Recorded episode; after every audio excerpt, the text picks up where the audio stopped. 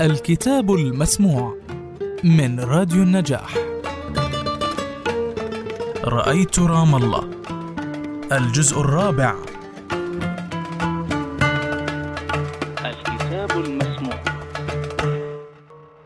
رغبة الوالدة في التخطيط لحياة الأسرة في ظروف تجعل فكرة التخطيط فكرة أقرب إلى العبث منهمكة في تقليب البدائل. وجهها المرهق اكتسب حيوية مضافة بفعل الرغبة في تحدي الصعوبة والتبعثر.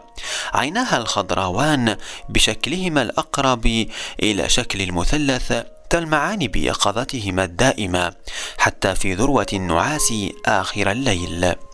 الوالد بهدوئه الذي يشعرك أن الأمور ستسير في النهاية حتى لو لم يفعل المرء شيئا لتسييرها شيء من صبر حكماء الهند يزيد من هدوئه الذي يستفز امي المتسائلة دائما والباحثة بالأظافر عن حلول. عيناه الضيقتان بسوادهما العميق لا تفصحان عن أحوال قلبه إلا عندما يضحك.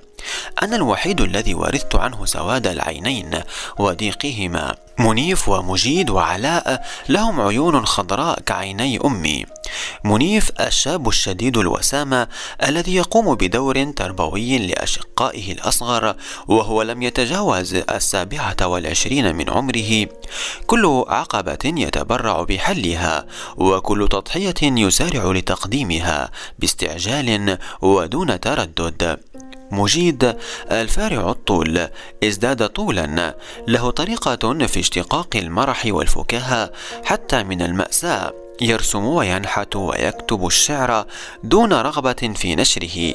حتى الآن يرفض أن يسعى للنشر مع أن ما يكتبه شديد التميز وله قلب شديد الانتباه.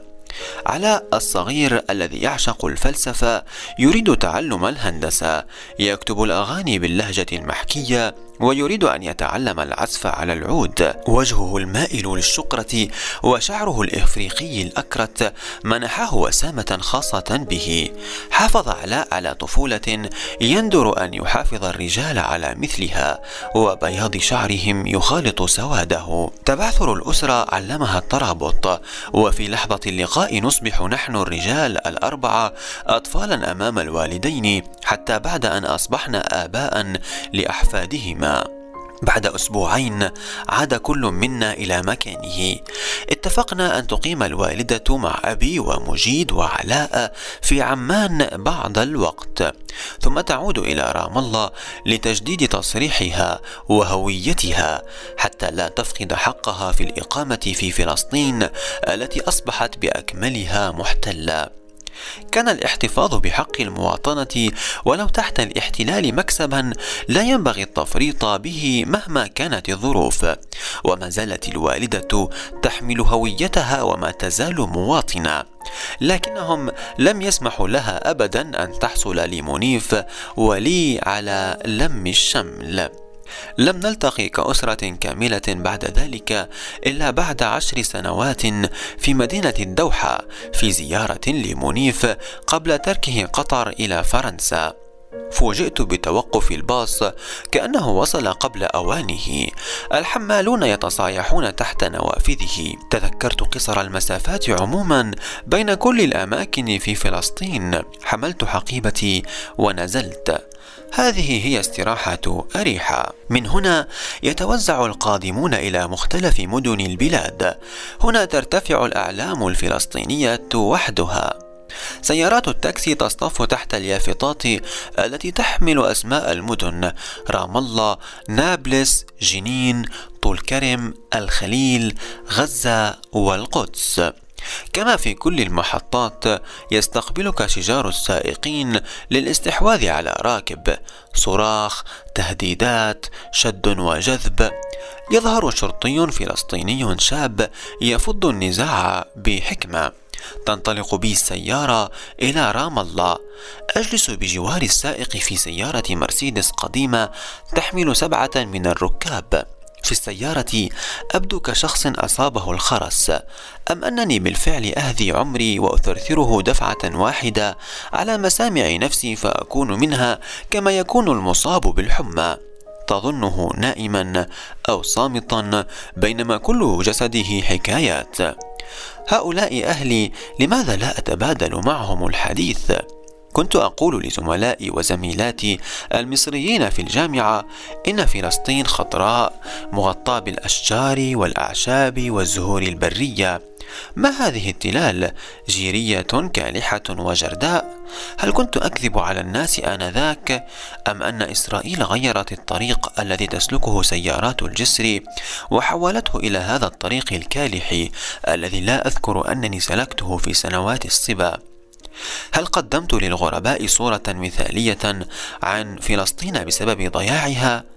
قلت لنفسي عندما يأتي تميم إلى هنا سيظن أنني وصفت له بلادا أخرى أردت أن أستفسر من السائق عما إذا كان الطريق هكذا على امتداد السنين لكني لم أفعل. شعرت بغصة غامضة وبنوع من الخذلان. هل كنت أصف للناس دير غسان بتلال الزيتون المحيطة بها وأقنع نفسي أنني أصف كل تضاريس البلاد أم أنني كنت أصف لهم رام الله؟ المصيف البديع الأخضر متوهما أن كل بقعة من فلسطين تشبه رام الله تماما وهل كنت حقا أعرف الكثير من ملامح الأرض الفلسطينية؟ السيارة تواصل طريقها وأنا أواصل النظر من نافذتها على يميني وعلى يسار السائق ما هذا العلم الإسرائيلي؟ ألم ندخل مناطقنا منذ فترة؟ هذه هي المستوطنات إذا أن يتحدث المتحدثون عن المستوطنات شيء وأن تراها بعينك شيء آخر. كل الإحصائيات سخيفة بلا معنى. الندوات والخطب والاقتراحات والاستنكارات والذرائع وخرائط التفاوض وحجج المفاوضين وكل ما سمعناه وقرأناه عن المستوطنات لا يساوي شيئا أمام مشاهدتها بعينيك. أبنية متدرجة من الحجر الأبيض متلاصقة ومتكاتفة تصطف خلف بعضها في سطور منسقة راسخة في أماكنها بعضها عمائر وبعضها بيوت يغطي سقوفها القرميد. هذا هو البادي للعين الناظرة من بعيد. ما هو شكل حياتهم من الداخل يا ترى؟ من يكون سكان هذه المستوطنة؟ من أين أتوا قبل أن يؤتى بهم إلى هنا؟ هل يلعب أطفالهم الكرة وراء هذه الأسوار؟ وهل رجالهم ونساؤهم يمارسون الحب خلف هذه النوافذ؟ هل يفعلون ذلك والمسدسات على جنوبهم؟ والرشاشات هل يعلقونها معبأة وجاهزة على جدار غرفة النوم؟ على التلفزيون لا نشاهدهم إلا مسلحين. هل يخافون منا حقا أم نحن الذين نخاف؟ إذا سمعت من خطيب على منبر كلمة تفكيك المستوطنات فاضحك واضحك كما تشتهي. إنها ليست قلاعا من الليغو أو الميكانو التي يلهو بها الأطفال. إنها إسرائيل ذاتها. إنها إسرائيل الفكرة والإيديولوجيا والجغرافيا والحيلة والذريعة. إنها المكان الذي لنا وقد جعلوه لهم. المستوطنات هي كتابهم. شكلهم الأول هي الميعاد اليهودي على هذه الأرض. هي غيابنا المستوطنات هي التيه الفلسطيني ذاته. قلت لنفسي إن مفاوضي أوسلو كانوا يجهلون المعنى الحقيقي لهذه المستوطنات وإلا لما وقعوا الاتفاقية تنظر من نافذة السيارة يمينا فتفاجأ بأن الشارع النحيل المتآكل الذي يحملك يصبح أكثر اتساعا ونعومة وأناقة. إسفلته يزداد بريقا وسرعان ما ينفصل عن الطريق صاعدا إلى تلة فاخرة المباني فتدرك أنه يفضي إلى مستوطنة. تنظر إلى يسارك بعد قليل فترى مستوطنة ثانية وشارعا أنيقا عريضا آخر يؤدي إليها ثم ترى الثالثة والرابعة والعاشرة وهكذا الأعلام الإسرائيلية ترتفع على مداخلها وتلاحظ أن الكتابة على إشارات المرور باللغة العبرية فقط من أقام كل هذا الهول؟ من بناه؟ عندما اجتزت الجسر كان زعيم الليكود بنيامين نتنياهو بانتظار النتائج النهائية لتأكيد فوزه في الانتخابات. إنه حزب العمل إذا إنه شيمعون بيريز الذي صوره الإعلام العربي لرجالنا وكأنه صلاح الدين الأيوبي ولنسائنا كأنه عمر الشريف ولجامعة الدول العربية كأنه من بني قحطان. منذ بنغوريون وحزب العمل يبني على أرضنا هذه المستوطنات. بلهاء الليكود يثيرون لغطا وضجيجا عاليا حول سياستهم في الاستيطان وحول كل مستوطنة جديدة يبنونها. لكن دهاة حزب العمل يذكرونني بتلك الحيلة الخبيثة التي قرأتها في أيام الطفولة عن اللص الذي سرق سيارة في اليوم التالي أعادها لأصحابها وترك لهم بداخلها رسالة اعتذار رقيقة يقول فيها إنه لم يقصد السرقة بل كل ما حدث أنه احتاجها لليلة واحدة فقط للخروج مع حبيبته. إنه يعيد السيارة الآن وبداخلها بطاقتان للدخول إلى المسرح. يقدمها هدية لصاحب السيارة وزوجته تأكيدا لاعتذاره وحسن نواياه. ابتسم الزوجان وأعجبا برقة اللص العاشق وظرفه. في المساء ذهبا بالفعل إلى المسرح عادا في وقت متأخر من الليل. طبعا ليكتشفا أن اللص الرائع قد سرق أثناء غيابهما كل ما هو ثمين في منزلهما وهرب. قد يخنقك المجرم بشال من الحرير وقد يهشم رأسك بفأس من الحديد وسيضمن مصرعك في الحالتين. التطابق ليس تاما بالطبع بين حكاية حزب العمل وحكاية ذلك اللص، لكن ثنائية الدهاء والغباء تمتزج في المشروع الصهيوني منذ بداياته، وهناك باستمرار في إسرائيل رموز تمثل طرفي المعادلة الواحدة. ومهما حدث هم يستفيدون في الحالتين يستفيدون من التدبر الناعم ويستفيدون من البلطجة أيضا المعتدلون يتعلمون لغة الحديد من المتطرفين في فترة من الفترات والمتطرفون سيتعلمون لغة الحرير من المعتدلين إذا اقتضى الأمر. ونحن أصحاب المنزل نخسر في كل الأحوال ونخسر على كل الوجوه. كيف تركناهم يقيمون كل هذه المدن؟ القلاع الثكنات. سنة بعد سنة قال لي بشير البرغوثي قبل عدة سنوات إنه من شرفة بيته في دير غسان كان يرى أضواء المستوطنات تتزايد سنة بعد سنة حتى باتت تحيط بدير غسان على شكل دائرة وأنهم بالتدريج وفي ظل صمتنا الطويل انتشروا في كل مكان. نسيج السجادة هو المستوطنات. عليها بعض النقوش متناثرة هنا وهناك هي كل ما تبقى لنا من فلسطين. وفي الترتيبات التفاوضية الأخيرة خرجوا من منازلنا لكنهم يواصلون احتلال الطرقات المؤدية إليها. ولهم الحق في إيقافك على الحواجز الأمنية الكثيرة وعليك الانصياع. أما القدس فلم يسمح لي أن أراها بالعين أو أن أدخلها لا ماشيا ولا راكبا ولا طائرا بجناحين. حتى الطريق إلى رام الله الذي كان يمر من القدس غيروه عبر شوارع التفافية معقدة حتى لا نراها من زجاج السيارة. فقط برفقة قيادي فلسطيني من الذين يحملون بطاقة شخص مهم جدا يمكنك الذهاب إلى القدس. والشخص المهم جدا بالنسبة للإسرائيليين لن يأخذك لرؤية القدس إلا إذا كنت أنت شخصا مهما بالنسبة له هو. لم أجد من يصطحبني إلى القدس. عندما وصلنا إلى دوار الشرفة سألت السائق إن كان يعرف بيت الدكتور حلمي المهتدي فقال على الفور ولكنه مات منذ سنين. أعرف. لم أكن أعرف لكن أبو حازم وصف لي بيته بأنه مقابل بيت الدكتور حلمي المهتدي.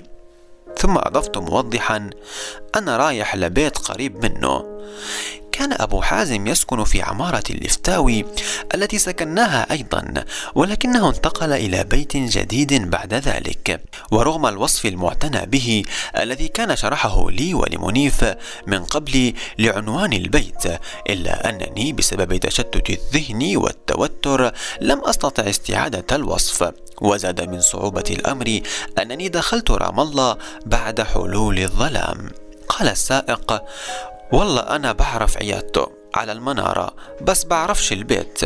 سألتني السيدة الجالسة في المقعد الخلفي عن البيت الذي أقصده بالضبط.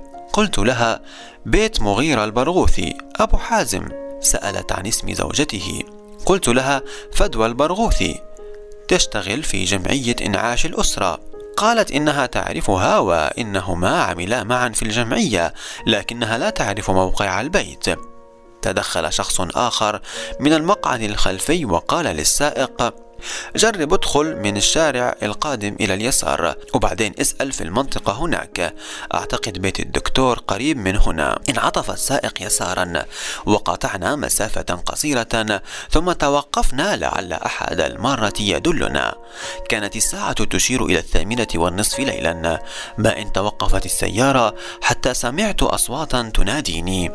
عم مريد عم مريد اطلع إحنا هون. في لمح البصر كانوا حولي.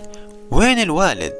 قالت فدوى إنه بمجرد رؤيته لسيارة من سيارات الجسر تتوقف حقائب الركاب مرصوصة فوقها. ركض إلى الهاتف ليطمئن ركض إلى الهاتف ليطمئن أم منيف في عمان.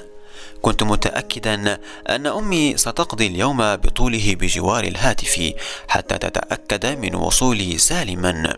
ما زالت تجربة إعادتهم لمنيف من الجسر ماثلة أمام عينيها.